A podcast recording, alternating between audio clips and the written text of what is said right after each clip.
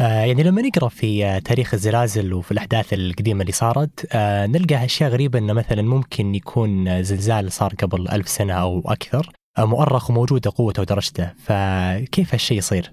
شيء عندنا اسمه زلازل تاريخية وشيء عندنا اسمه زلازل حديثة الزلازل الحديثة اللي نسميها الزلزالية الحديثة اللي بعد إنشاء مراصد الزلازل وبنى عليها 1935 رختر العالم أختر في مقاييس الزلازل بعد 1935 ميلادي وانت جاي. هذه اسمان ما قبل هذا التاريخ تسألني كيف الزلزال هذا قوته ست درجات وخمس درجات وهذه؟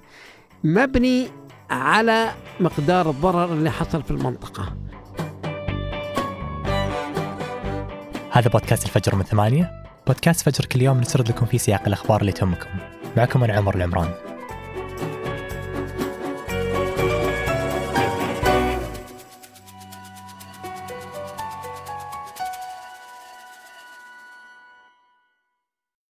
قهوة الصباح وأجود محاصيل البن المختص تلاقيها في خطوة جمل.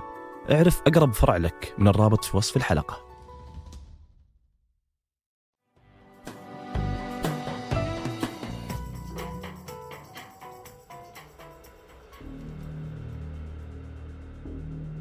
خمسين ألف وفاة تهجير مليونين وأربعمية ألف شخص وأكثر من 24 مليون إنسان متأثر.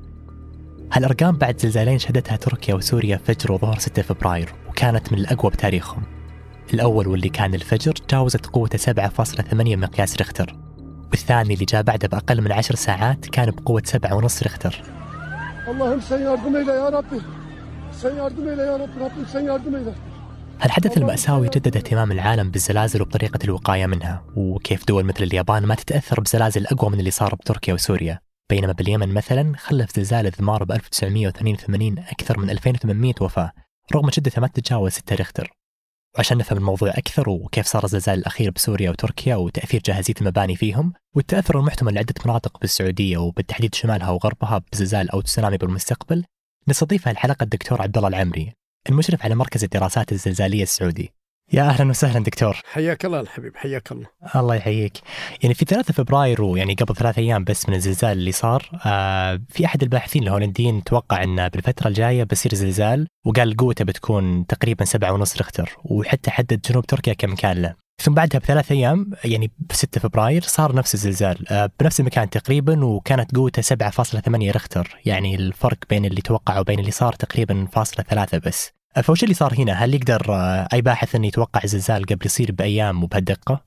آه، بالنسبة لأخي مسألة آه، عمر مسألة التنبؤ أبدا. هذه استحالة يا عمر. مسألة التنبؤ. اللي الشخص حنا الآن عندنا لجنة من يمكن لنا 25 سنة شغالين فيها اسمها تخفيف الخطر الزلزالي في شرق البحر الأبيض المتوسط. كل من 25 سنة ترى بدينا. من لا عفوا أكثر. 27 سنة. هذه هذه اللجنة شكلت بعد زلزال القاهرة اللي حصل عام 1992 شكلت هذه اللجنة بدعم من اليونسكو. نجتمع كل سنة. عملنا تقريبا 25 اجتماع. كل اجتماع لنا وقفنا قبل الكورونا تقريبا. كل اجتماع يا أخ عمر نعلن وبقوة وبصوت إن المنطقة دي سوف تتعرض لزلزال مدمر. لكن متى؟ هذا اسمه توقع وليس تنبؤ. أي شخص يجيك الهولندي يقول لك نعم. يقول لك عاجلا أو اجلا. صحيح. ما عندنا قلنا إحنا قلنا الكلام هذا عاجلا أو اجلا. هذا اسمه توقع. التنبؤ يا اخ عمر إذا استوفى ثلاثة شروط. إيش هو؟ إني تو الشرط الأول إني أحدد لك مكان الزلزال خط الطول وخط العرض. هذه ما فيها مشكلة. الشرط الثاني إني أحدد لك قوة الزلزال هذه ما في مشكلة. 87 في العشرة. الشرط الثالث إني هذه المشكلة اللي أحط قدامها علامة استفهام اللي هي متى حدوث الزلزال؟ حدوث الزلزال إذا حد إذا حددت يا أخ عمر قلت لك الزلزال يحصل الساعة 9 بكرة الصباح. وعليكم يا أهل المدينة الفلانية بالإخلاء. هذا أنت الآن أنقذت أرواح البشر وعملت ما يسمى بالتنبؤ الصحيح. مم. حالة واحدة حصلت في التاريخ. 1975 في الصين يا عمر. هذه قبل الزلزال بخمس ساعات بدت الحيوانات تخرج لأنها تسمع. وبدت الحيوانات تخرج لأنها تشم. ما تتقبل غازات الرادون والهيليوم اللي يطلع من الآبار. فبدت تهرب. وبدت المراصد ترصد قبل الزلزال الرئيسي. بدت ترصد قبل الزلزال الرئيسي. ترصد الم... يعني المراصد بدأت تتحرك. بالتالي الدولة الحكومة الصينية عملت إخلاء. قالت أكيد في شيء. لأن الحيوان لها صفات بيولوجية غير الأوادم. لها إنها تستطيع تسمع أربع أضعاف أربع أضعاف سمعي وسمعك. والشم كذلك الحاجات. أنا وانت نشم حاجات الحيوانات ما تقدر تقبلها. تبدأ تهرب. المراصد بدأت الأرض بدأت تنتفخ آه، آه، مستوى الموية في الآبار بدأ ينخفض. آه قالوا إذا خلينا نعمل اخلاء وعملوا اخلاء ونجاهم الله من زلزال كان بيقتل 250 ألف نسمة. فكانت الصين أول دولة تتنبأ بالزلزال قبل حدوثه. حتى النظام العالمي الآن اللي عندنا نظام عالمي يا اخ عمر أنا أول مرة أقول عنه يمكن ما حد يسمع عنه. اسمه ال earthquake early warning system أو هو نظام الإنذار المبكر للزلازل. يعني انذرك قبل ما يحصل الزلزال كم مدة الإنذار يا عمر؟ دقيقة واقل من دقيقة. أقل من دقيقة. أقل من دقيقة. واقل من دقيقة. إيش يمديك تسوي في أقل من دقيقة؟ تقدر تعمل اخلاق تقدر تسوي شيء؟ ابدا. هذا هذا هذا النظام العالمي اللي يستخدمه الآن في أمريكا. قبل الزلزال بدقيقة بقول لهم ها بيحصل زلزال طيب وبعدين؟ إيش إيش التصرف؟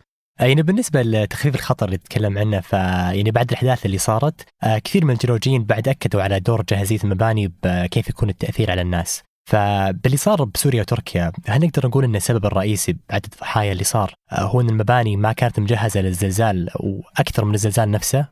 أخ عمر أول شيء الزلزال ما يقتل البشر. امم اللي يقتل البشر المباني اللي تسكنها. امم في اليمن 1982 حصل زلزال بقوة خمسة وسبعة أو خمسة وثمانية في العشرة. ضعيف متوسط.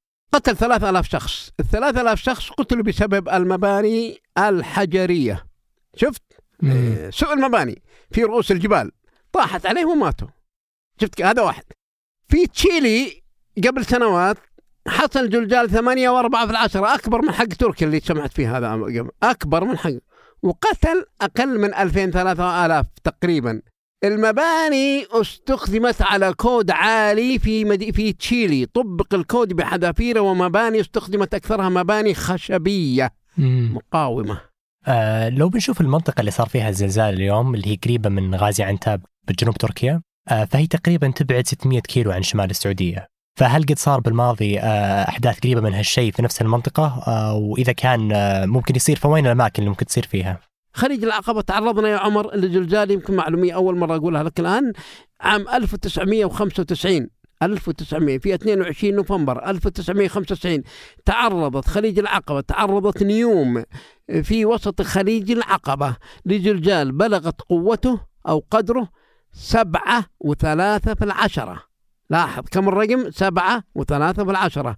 كم بينه وبين هذا حق تركيا؟ نص. نص درجة. ولكن لكن بعد إرادة الله سبحانه وتعالى الزلزال وقع في وسط الخليج في البحر ما طلع في اليابسة هذا واحد.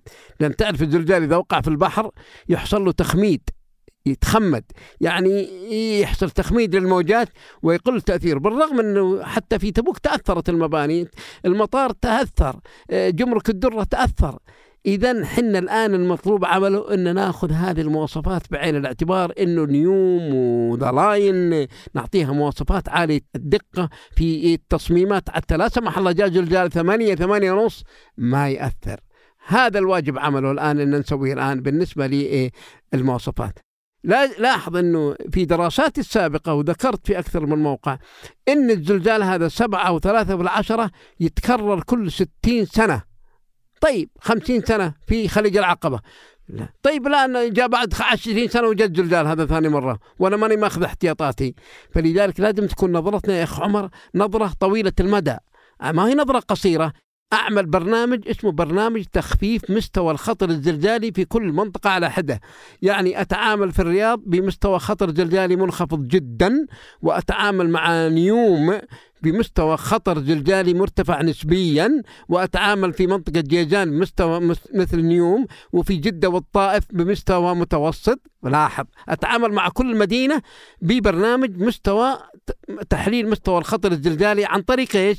تطبيق كود البناء بحذافيره وبقوة وب يعني شروط صارمة جدا في تطبيق الكود وعمل المواصفات الهندسية والمعمارية والمباني وهذا بدقة عالية مع التركيز على المناطق النشطة. يعني أركز على الساحل الغربي بالكامل وأركز على الساحل الشرقي بالكامل والمنطقة الوسطى أتعامل معها بشيء من الحذر ولكن ما معنى أهملها؟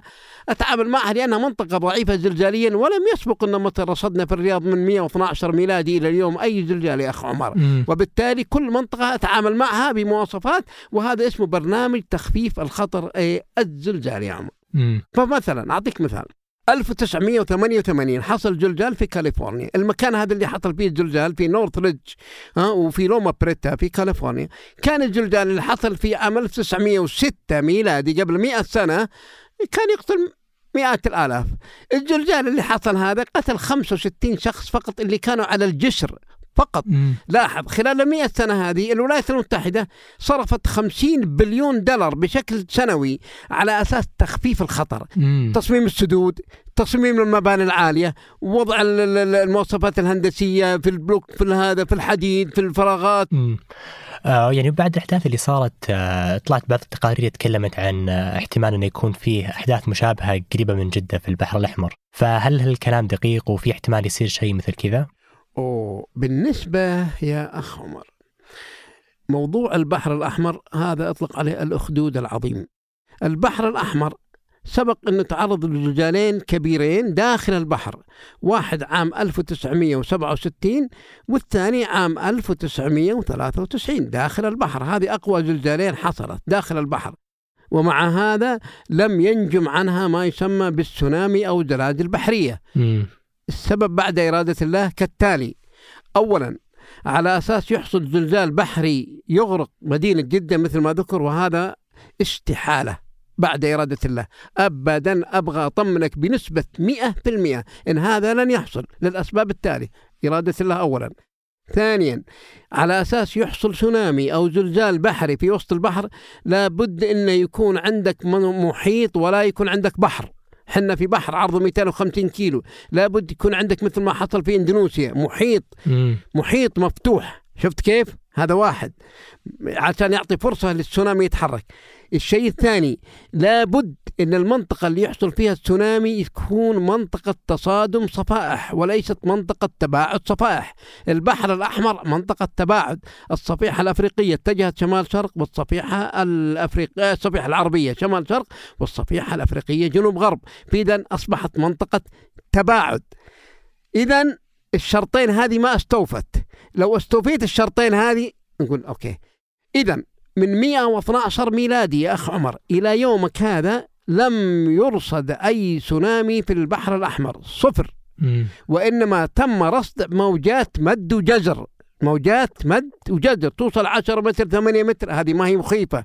فبالتالي الموضوع أو ما قيل عن البحر الأحمر أنه يتعرض لسونامي آه هذا عار من الصحة جملة وتفصيلا. وقبل ننهي الحلقة هذه أخبار على السريع.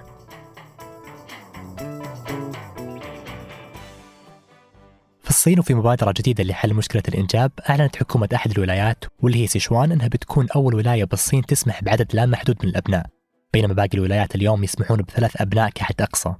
وحتى سياسة الثلاث أبناء هذه ما صارت بالصين إلا ب 2021 وقبلها ومن 2015 كان مسموح للعوائل بالصين ينجبون ابنين بس. وقبل 2015 ومن الثمانينات كان مسموح للعائلة تنجب ابن واحد بس.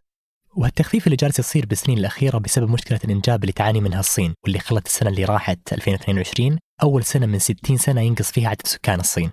وفي آخر الإحصاءات عدد العمالة الوافدة بالسعودية ارتفع بآخر ربع بأعلى وتيرة له من أكثر من ثلاث سنين. ففي الربع الرابع بالسنة اللي راحت زاد عدد العمالة الوافدة بأكثر من 190 ألف وصارت نسبتهم من عموم الوافدين بالسعودية حوالي 33% وبعد ما أطلقت النسخة الجديدة من محركها بينج واللي صار مدعوم بشات جي بي تي أعلنت مايكروسوفت أنها بتحد من عدد الأسئلة اللي يقدر يسألها المستخدم بشكل متتابع إلى خمس أسئلة بس ولو احتاج يسأل زيادة فبيحتاج يبدأ جلسة جديدة. وقالت مايكروسوفت أن هدفها من هالشيء هو معالجة مشكلة خروج شات جي بي تي عن سياقه مع عدد الأسئلة الكثير المتابعة واللي مرات كثيرة وصل لأنه يتهجم بشكل شخصي على المستخدم اللي يسأله.